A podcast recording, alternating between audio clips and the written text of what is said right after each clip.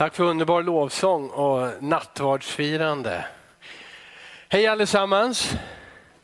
Tack för att ni har valt att vara här och inte ute i spåret idag. I Vasaloppet. Ni har inte, varit, ni har inte hunnit åka det nu på morgonen, eller hur? Är det, kanske några, är det någon som inte vet vad Vasaloppet är? Okay. Ja, du behöver inte räcka upp handen. Är det någon som var uppe klockan åtta i morse och tittade på starten? Ja men det var ju flera stycken. Ja, men det, vi som vill bli imponerade av någonting, vi går upp och tittar på det där klockan åtta för det är en häftig syn. När 15 000 människor står på rad i många spår och så Sen är det inte lika häftigt att många fortfarande åker och har flera timmar kvar, det är ju synd om dem. Vi är här. Eh, hörni, vad i all världen gör vi här då? Mm. Jag menar i livet, inte just nu i gudstjänsten. Ja, den är också viktig att ställa. Men vad, vad, vad gör vi här? Svaret beror ju, svaren du får beror på vem du frågar, eller hur? Eh, men om vi nu ställer den till Bibeln så, så går det faktiskt att identifiera fem stycken eh, rätt så tydliga svar vad vi gör här. Och, och tillsammans så, så, så blir de, formulerar de det uppdrag som du och jag har på jorden, den mening som vi har. För å ena sidan är vi alla del av samma uppdrag. Gud vill försona världen, mänskligheten, skapelsen med sig.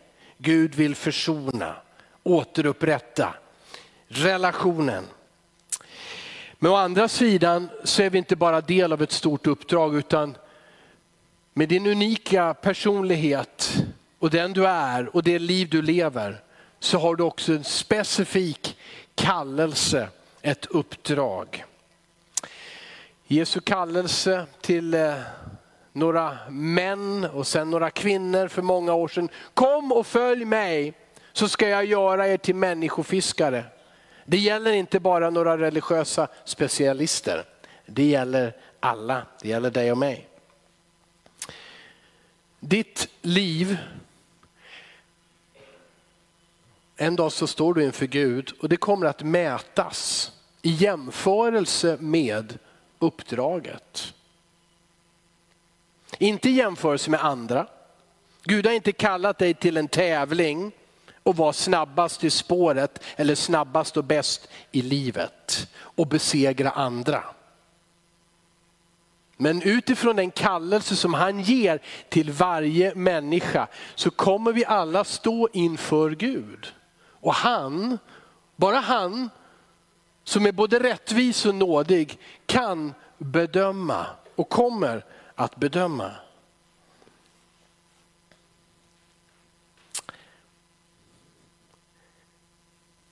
Så vårt liv på jorden, även när du är i kyrkbänken, det handlar inte bara om att vara.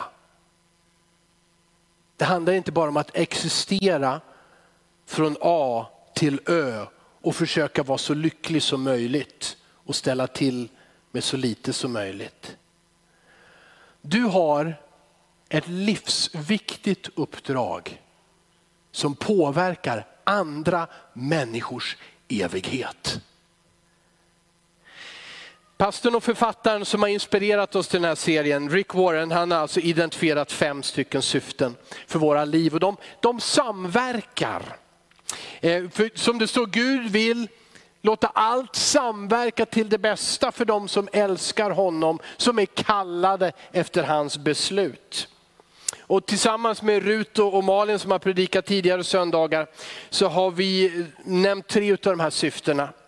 Du är skapad för att glädja Gud. Härligt va? Du är skapad för att Gud ska få bli glad. Det här kallas för tillbedjan. Ett liv i tillbedjan. Du är också skapad för att vara i Guds familj. Inte ensam. I en familj, i ett sammanhang. Det kallas för gemenskap. Du är skapad och också kallad, du är skapad för att likna Jesus Kristus, att bli lik honom. Det här kallar Bibeln för lärjungaskap. Och I dagens predikan så handlar det om det fjärde syftet. Du är skapad för, eller du är formad för att tjäna Gud. Jag säger det en gång till, för vi kan undra vem det är vi ska tjäna. Du är skapad, ja du är formad för att tjäna vem då? Gud. Du trodde att det bara gällde pastorer, präster, munkar och nunnar, nunnor, eller hur? Nej, men det gäller alla. Det, det gäller dig. Gud vill det. Faktum är att det går inte att vara kristen och inte samtidigt vara en Guds tjänare. Det går inte. Efesierbrevet eh, 2 och 10 säger att vi är hans verk och då är ordet mästerverk. Du är hans mästerverk, vi är hans verk. Skapade i Kristus Jesus till vad då? Till goda gärningar. Det vill säga till att tjäna andra. Men vilka gärningar då? Jo, som Gud har förberett för att vi ska vandra i dem. Kallelsen till Jesus, kallelsen till frälsning och till att tjäna Gud kommer samtidigt. Det, ingen av oss kan välja frälsningen. Ja, jag vill bli räddad, men jag vill inte tjäna dig Gud. Utan det här hör ihop. Du är inte resultatet av ett olycksfall. Du är inte resultatet av ett olycksfall i dina föräldrars sovrum. Du är här med ett uppdrag, med ett syfte, med en mening. Du är designad för att fylla en unik funktion på den här jorden. Och då är Gud annorlunda än vad vi är. För det, livet får inte ett värde av att det är friskt och långt. Det livet får ett värde för att det är bestämt av Gud att du ska finnas. Och Det här gäller också de små barnen som aldrig kommer till ett självmedvetande. Det gäller också i de sammanhang där vi tycker att människor slutade på jorden alldeles för tidigt. Det gäller också i de sammanhang där det inte verkar som den människan presterar speciellt mycket. Men du och jag är givna en unik plats i den här skapelsen för att tjäna Gud. Kan du säga ett amen till det så gör det. Jag hoppas att det finner ett gensvar i ditt inre och jag tror att det gör det. Gud har, en, han har inte bara en plan för ditt liv, han har gett dig gåvorna. Han ger dig också kraften att utföra det. Han leder dig också in i rätt sammanhang och allt samverkar. Dina gåvor, dina talanger, ditt hjärta och vad du brinner för, din personlighet, dina erfarenheter. Gör dig till detta unika men samverkar också för att du ska få utföra det uppdrag som bara du kan i Guds kallelse. Det står i Jobb 10.8, dina händer har format mig och gjort varje del av mig. Guds händer har format dig och gjort varje del av dig. Det här kanske är en nyhet för, för dig. De här gåvorna som du har, talangerna, förmågorna, de har inte getts dig för att du ska tjäna dig själv. Det står i eh, första Petrus 4 och 10, tjäna varandra, tjäna varandra, var och en med den nådegåva han har fått som goda förvaltare av Guds mångfaldiga nåd. Dina gåvor är inte främst för att tjäna dig själv, utan för att utföra Guds uppdrag, tjäna honom och tjäna andra. Ja, för det här syftet att tjäna Gud, hur gör vi det? Jo, vi gör det genom att tjäna andra människor. Det är faktiskt det enda sättet som vi kan tjäna Gud på eh, här på jorden. Låt mig läsa från Matteus kapitel 20. Jesus kallade till sig lärjungarna och sa, ni vet att folkens ledare beter sig som herrar över dem och att stormännen härskar över dem. Men så ska det inte vara bland er. Nej, den som vill vara störst bland er ska vara vad då? De andras tjänare. Och den som vill vara främst bland er ska vara de andras slav. Så har inte heller människosonen, och nu pratar Jesus om sig själv, så har inte jag kommit, säger Jesus, för att bli betjänad, utan för att tjäna och ge mitt liv till lösen för många. Det här är också Jesus själv. Och Guds kallelse är att din attityd ska vara som Jesu attityd eller inställning. Första Korinthierbrevet 13 och 3. Har du inte varit på något bröllop så gå på ett bröllop så kommer du höra den här versen. Och om jag delar ut allt jag äger och jag offrar min kropp till att brännas men inte har kärlek så vinner jag ingenting. Alltså det är inte ett, Guds fokus ligger inte på de yttre gärningarna. Jag kommer inte till Gud en dag på domens dag och säger, men Gud, jag har ju gjort det här och det här och det här och det här. Det är väl, det, många tyckte jag var rätt så imponerande. Tycker inte du det också, Gud? Och då säger han det här som, som är eh, chockerande. Du kan ge ditt liv, du kan låta dig brännas. Men sker det inte på mitt sätt, det vill säga i kärlek, då är det ingenting värt. Vi är kallade till gärningar, goda gärningar. Gud har förberett dem. Men inte för att bevisa någonting. Vi är kallade att göra hans gärningar med kärlek till honom och kärlek till vår nästa i våra hjärtan. Vilken inställning behöver vi alltså ha för att vara välsignad och tjäna andra på, ett sätt, på samma sätt som Jesus tjänar oss? Jag ska försöka besvara det här. Är ni fortfarande med? Bra. Tycker ni om avbrott? Hmm. Behöver inte svara högt.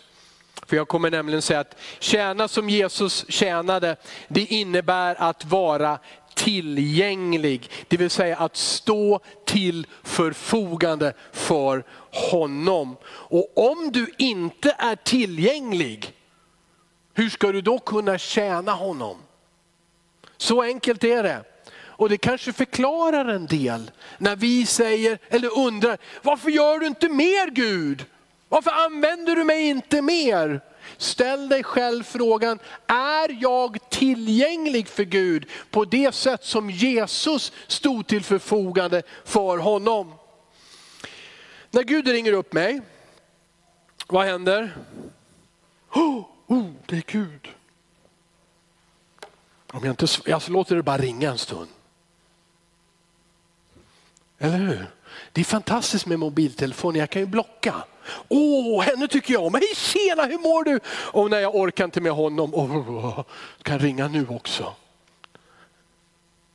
Eller är det så bra? Jesus, han var alltid tillgänglig.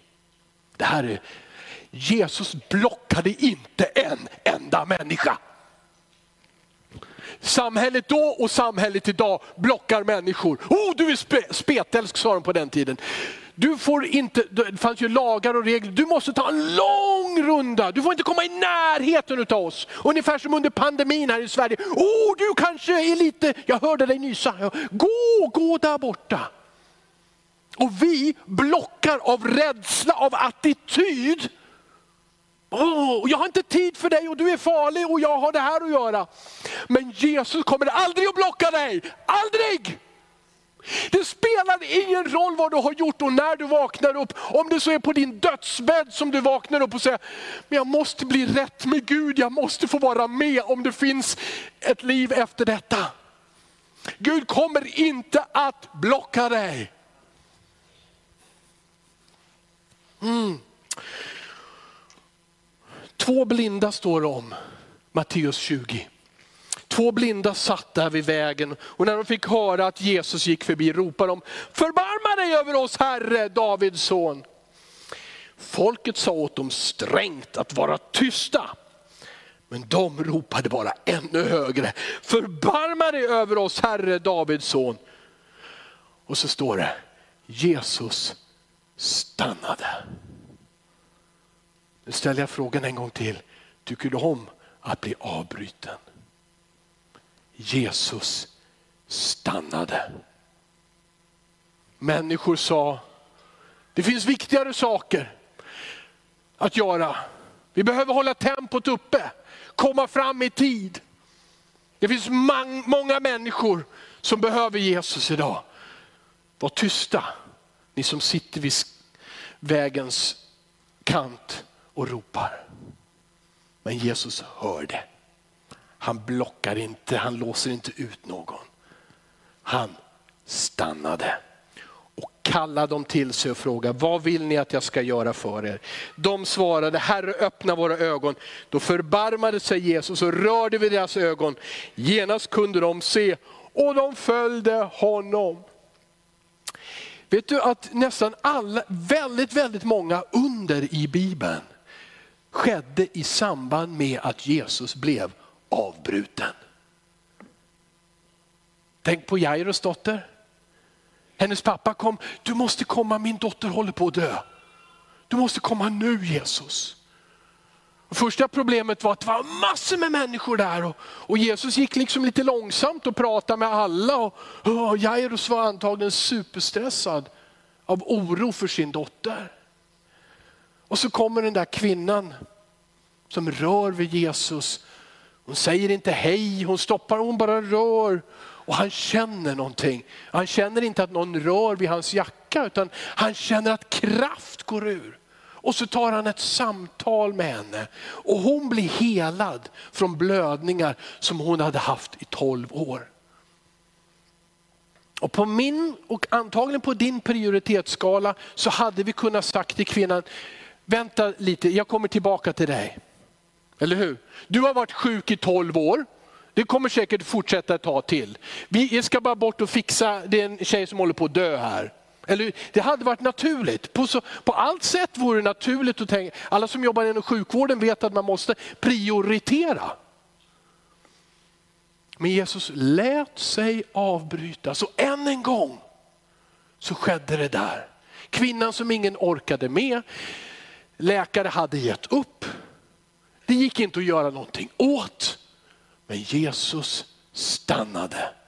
Han helade henne. Och sen så fick han ju inte bara hela Jairus dotter, det var ju, då hade hon ju hunnit dö. Så då handlade det om att väcka upp henne igen. Så många utav Jesu under skedde för att han var tillgänglig. Inte dömde ut, inte blockade, inte tittade i sin almanacka och sa hinner inte, hinner inte, finns inte plats och tid för dig. Utan han stannade, han såg människor och så skedde mirakel. Kan man vara både tillgänglig och målmedveten? Måste vi som kristna vara planlösa? Nej, jag tror inte det.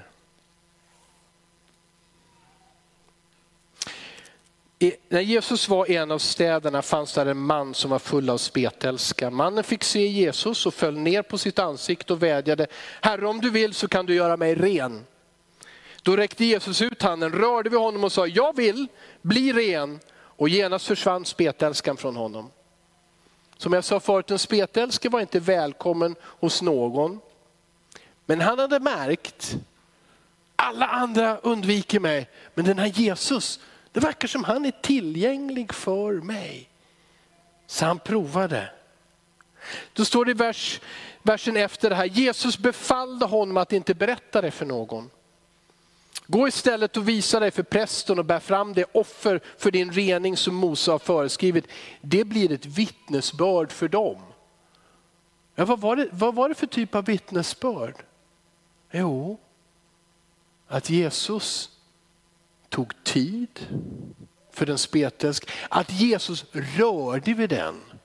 Som det var allmänt införstått och förstått. Man rör inte vid någon som är spetälsk för då får man ju smittan och bär den med sig.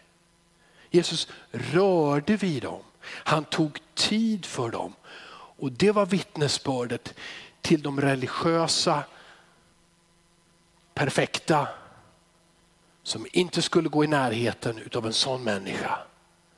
Att där, i det mötet, när Jesus gjorde ett avbrott för en medmänniska, så skedde Guds under. Men hur ska vi hinna? Hur ska vi orka? Ska vi ha en plan, göra det här, jobba för det och samtidigt hinna till höger och vänster, höger och vänster. Det står i versen efter, ryktet om Jesus spreds ännu mer och stora skaror samlades för att lyssna till honom och bli botade från sina sjukdomar. Men han drog sig ofta undan ut i ödemarken och bad. Bibeln är så tydlig med att Jesus gjorde ingenting som hans fader inte visade honom att han skulle göra. Så vad ska du och jag göra när vi tycker att livet är så fullt upp och vi hinner inte med och vi hinner inte med. Gör som Jesus, be ofta. Dra dig tillbaka ifrån de många ropen på hjälp mig, gör det, häng på på det här. Dra dig regelbundet tillbaka och be till honom och lyssna till din fader. Jesus vill att du och jag ska ledas. På samma sätt som han blev ledd så vill han leda oss. Han hjälper oss att vara tillgängliga. Men att tjäna som Jesus innebär inte bara att vara tillgänglig. Det innebär också att vara som han och vara tacksam. Den inställningen behöver vi, att vara tacksam. Eh, det står så här i Johannes 11, då tog de bort stenen och Jesus lyfte blicken mot himlen och sa, och det här är alltså när han står framför Lazarus grav. Och då säger han inte, Fader jag ber dig, hjälp Lazarus. Utan han säger, Far jag prisar dig för att du hör mig. Kunde lika väl stått här, jag tackar dig för att du hör mig. Jag vet att du alltid hör mig men jag säger det för folket som står här för att de ska tro att du har sänt mig. Han skulle uppväcka någon från de döda men han bad inte utan han prisade och tackade Gud för jag vet att du hör mig. Tacksamhet i våra hjärtan och ur vår mun lyfter upp vår tjänst för Gud på en annan nivå. Inte bara att göra den, utan att göra det med tacksamhet. Vi firade alldeles nyss nattvard och Rut läste att Jesus bröt brödet och tackade Gud. Det här var den värsta kvällen i hela hans liv. Och vad du och jag än går igenom av fysiska plågor eller annat lidande. Ta det, fördubbla det och så lägg hela världens synd och skuld på topp utav det. Den kvällen då Jesus skulle möta det allra värsta så tackade han Gud och delade en måltid med sina lärjungar. Det här var Jesu inställning på soliga dagar och i den mörkaste natt. Tacksamhet.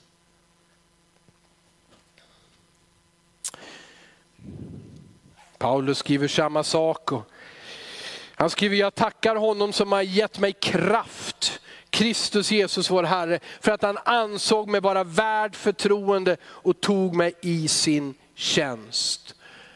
Jag får inte glömma att det är en förmån att få tjäna Gud.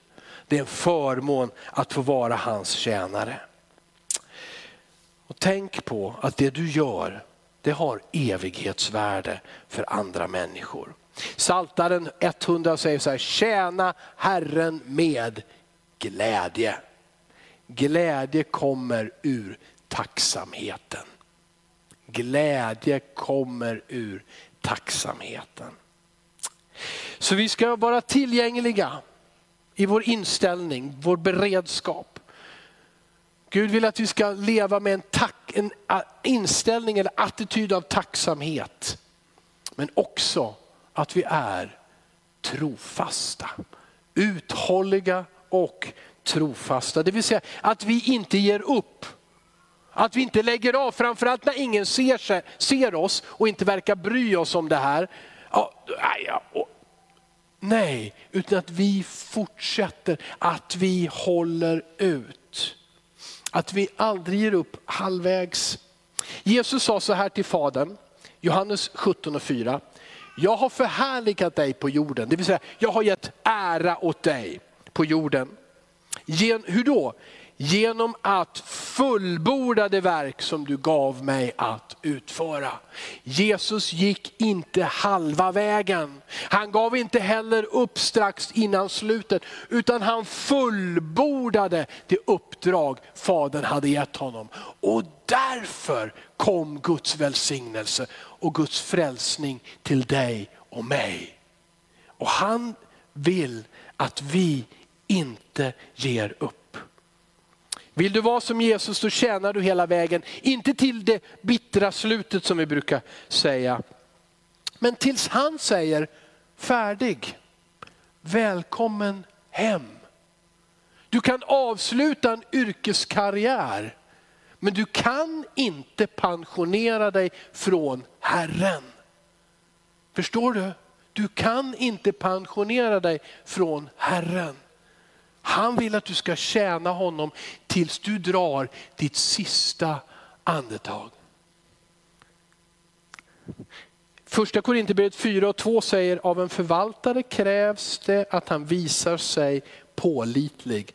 Och du och jag är enligt Jesus förvaltare. Förvaltare av de gåvor vi har fått, förvaltare av den tid vi har fått. Förvaltare av de möjligheter som Herren leder oss in i. Förutberedda gärningar dag för dag. Och vi ska vara pålitliga. Vad är det som motiverar oss eller dig i tjänst? Och får jag föreslå, det jag redan har talat om, tacksamhet.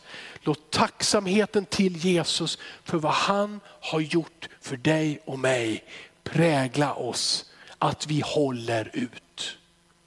Låt hans exempel inspirera oss att fortsätta ett steg till.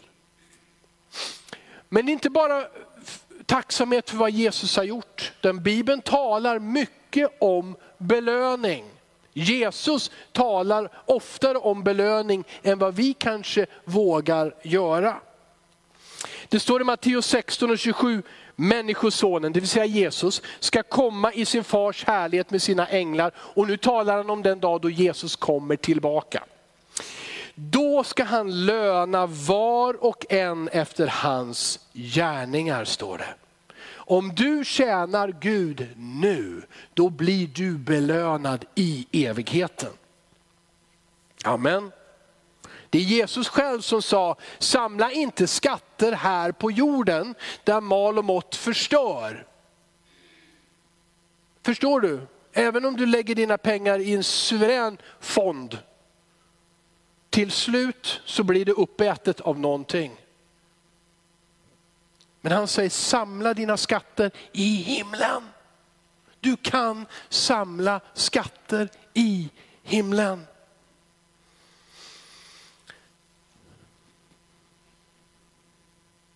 Dessutom kan du vara säker på att vad du än gör för Jesus här, vad du än gör, inget är för litet. Inget är betydelselöst för honom. Amen. Inget som du gör för Herren är för litet. Första Korinthierbrevet 15.58. Ni vet ju att er möda i Herren inte är förgäves. Det vill säga varje tjänst har betydelse, om den är stor eller om den är liten. Jesus sa så här i Matteus 10.42, den som bara ger, och den som bara ger till en av dessa små en bägare friskt vatten, därför att det är en lärjunge. Jag säger er sanningen, han ska inte gå miste om sin lön.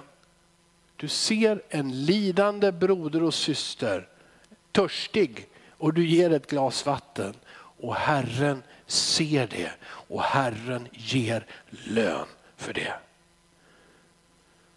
det är, så, här, så här ser han det och därför vill han att vi ska vara trofasta, att ha samma hängivenhet vad det än är. Om ditt namn hamnar i tidningarna och du blir berömd, eller inte ens människorna som sitter bredvid dig vet om vad du gör. Men gör det för Herren, gör det med samma hängivenhet. Och han vill belöna dig och mig. Min fråga till oss, fråga till dig, vad kan du göra för din församling? Vad kan du göra för din andliga familj? Hur kan du tjäna Herren här? Jag tror inte att Gud har fört en enda av oss hit för att bara sitta, ta emot, rulla tummarna och sen var det det. Du har gåvor, andliga gåvor att upptäcka.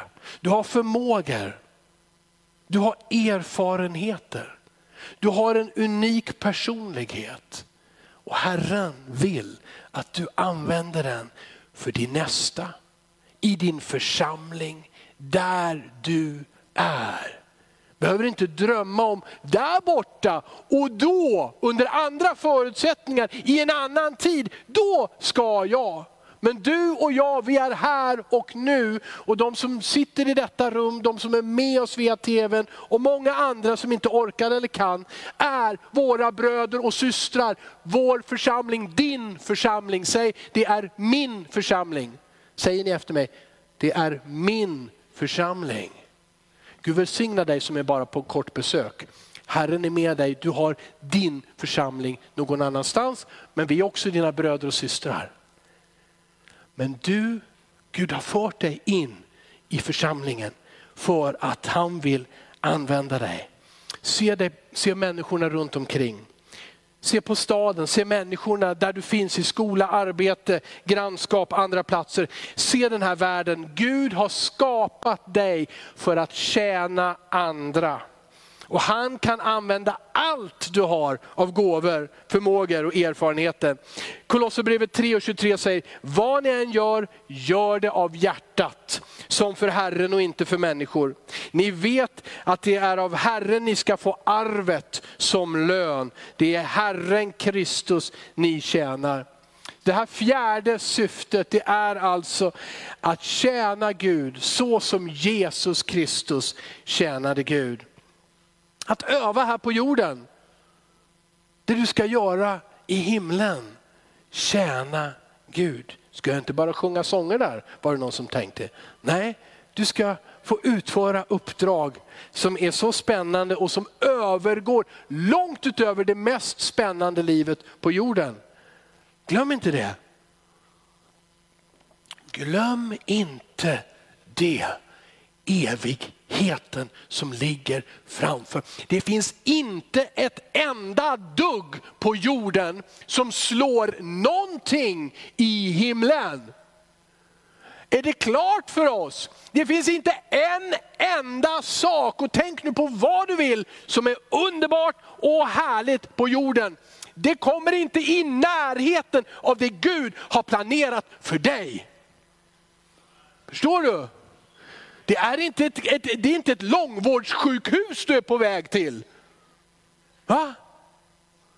Du är på väg till himlen om du tror på Jesus och det kan bara bli så mycket bättre.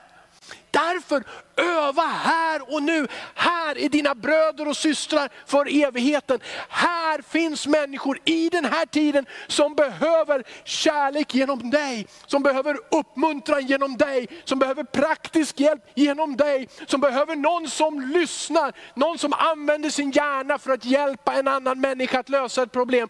Någon som är Jesus Kristus med sina händer och fötter till den här världen och samtiden. Men det är en övning inför evigheten. Amen, så vi får vara tillgängliga, tacksamma och trofasta. Och så det allra sista som jag vill dela. Att tjäna Herren Jesus, det innebär att vara generös i sin inställning till hela livet. Att vara som Gud själv är, som Jesus var. Andra Korinthierbrevet 8 och 9 säger, ni känner ju vår Herre Jesu Kristi nåd. Han var rik men blev fattig för er skull. För att ni genom hans fattigdom skulle bli rika. Det är generositet och det är Guds generositet. Jesus gav allt. Han lämnade himlen och blev en människa. Och han tog ett lidande på sig och dog på ett kors för dig och mig. Han som var allt och hade allt blev i människors ögon till ingenting och till den grad att han ropade ut min far, varför har du övergivit mig? Han blev fattigare än fattig kan vara för att göra dig och mig rika. Och du har ett arv. Du har ett arv i himlen. Amen. Det här är Guds väsen. Romarbrevet 3 och 23. Alla har syndat och saknar härligheten från Gud. Det talar han om oss. De förklaras rättfärdiga som en gåva av hans nåd därför att de är friköpta av Kristus Jesus. Det är Guds gåva, hans generositet. Ty så älskade Gud världen att han gjorde vad då? Han gav den. Kärlek och givande hänger ihop. Kärlek och generositet. Rick Warren han har sagt så här, du kan ge utan att älska, men du kan inte älska utan att ge. Eller hur? Jag kan bara ge bort någonting och inte bry mig speciellt. Men om du har kärlek i ditt hjärta, då funkar det inte att inte ge. Vi läste och hörde också i nattvarden, var och en ska pröva sig själv. Hur ger du av din tid? Hur ger du av dina pengar? Med vilken inställning investerar du i församlingen och i andra människor? Är det inte okej, okay, du, du måste, okay, jag måste göra det här för dig. Är det det? Är det det som gäller? Ja, jag hinner inte egentligen men okej, okay, ja, får ta tid för dig. Oh, Gud ska ha mina pengar också, ge till församlingen. Jag har dåligt med pengar själv, ska jag ge till... Gud, du, du är ju rik, du får väl klara dig på egen hand. Hur är vår hjärtas inställning vad det gäller givande av tid, kraft, pengar, det vi är, det vi har. Du blir välsignad av Gud för att, vad då? Bli rik? Nej, nej. Du blir välsignad av Gud för att välsigna andra. Amen. Det här är en biblisk sanning, det står i andra Korinthierbrevet 9.11. Då blir ni rika på allt och kan vara generösa i allt. Och det väcker tacksamhet till Gud när vi överlämnar gåvan. Och då talar de om en gåva ifrån Korint till Jerusalem, en pengagåva för de fattiga där. Det här är inställningen hos den som vill tjäna Gud, som Jesus Kristus tjänade Gud. Du finns till för att tjäna Gud. Och du tjänar Gud genom att tjäna andra. Och det här är det syfte, det mening, den mening som Gud lägger i ditt liv. I princip så har vi alla följande val att göra. Vi kan investera våra liv eller vi kan slänga bort dem. Vi kan använda vår tid, våra gåvor, möjligheterna. Eller vi kan sumpa, slänga bort. Bibelns uppmaning är att investera i sånt som blir kvar efter ditt liv på jorden. Det vill säga att samla en skatt i himlen. Alla, det här är Bibeln som säger, alla ska stå inför Gud. I det ögonblicket så står vi också ensamma. Det finns inga andra människor vid vår sida. Det finns inga saker som vi kan pekar på. Alla ska stå och avge räkenskap för våra liv på jorden. Och I princip så kan vi säga så här, att det finns två frågor som Gud kommer att ställa till dig och mig. Den första är, vad gjorde du med min son? Vad gjorde du med min son? Jag älskade dig så mycket att jag lät honom bli människa. Hans kropp slet sönder på det korset. Mitt faders hjärta slet sönder när min enda son tog din plats. Vad gjorde du med en sådan kärlek? En sån osjälviskhet, en sån generositet, en sån tjänst till dig och mig. Bjöd du in denne Jesus i ditt hjärta under din tid på jorden. Och det här är min bön. Att om du hör detta idag så gör du det. Du bjuder in Jesus i ditt hjärta. Den andra frågan som Gud kommer att ställa kan lyda ungefär så här. Vad gjorde du med vad jag gav dig? Vad gjorde du med vad jag gav dig? Av förutsättningar, välsignelser, möjligheter, talang, utbildning. Vad gjorde du med vad jag gav dig? Vad bra vi har det att Gud talar om för oss redan här och nu vilka två frågor han vill ställa oss i evigheten. Vad gör du? Vad gjorde du med min son? Och vad gör du med ditt liv och det jag har gett till dig? Du och jag kan ge vårt svar till Herren här och nu. Ge våra liv till Jesus och bli en tjänare till Jesus som är tillgänglig, som är tacksam, som är trofast och generös. Till avslutning. De mest, det här kanske är de mest riskanta orden, två ord som du kan säga till Gud. Ja, två ord som kan vända upp och ner på väldigt, väldigt mycket. Använd mig.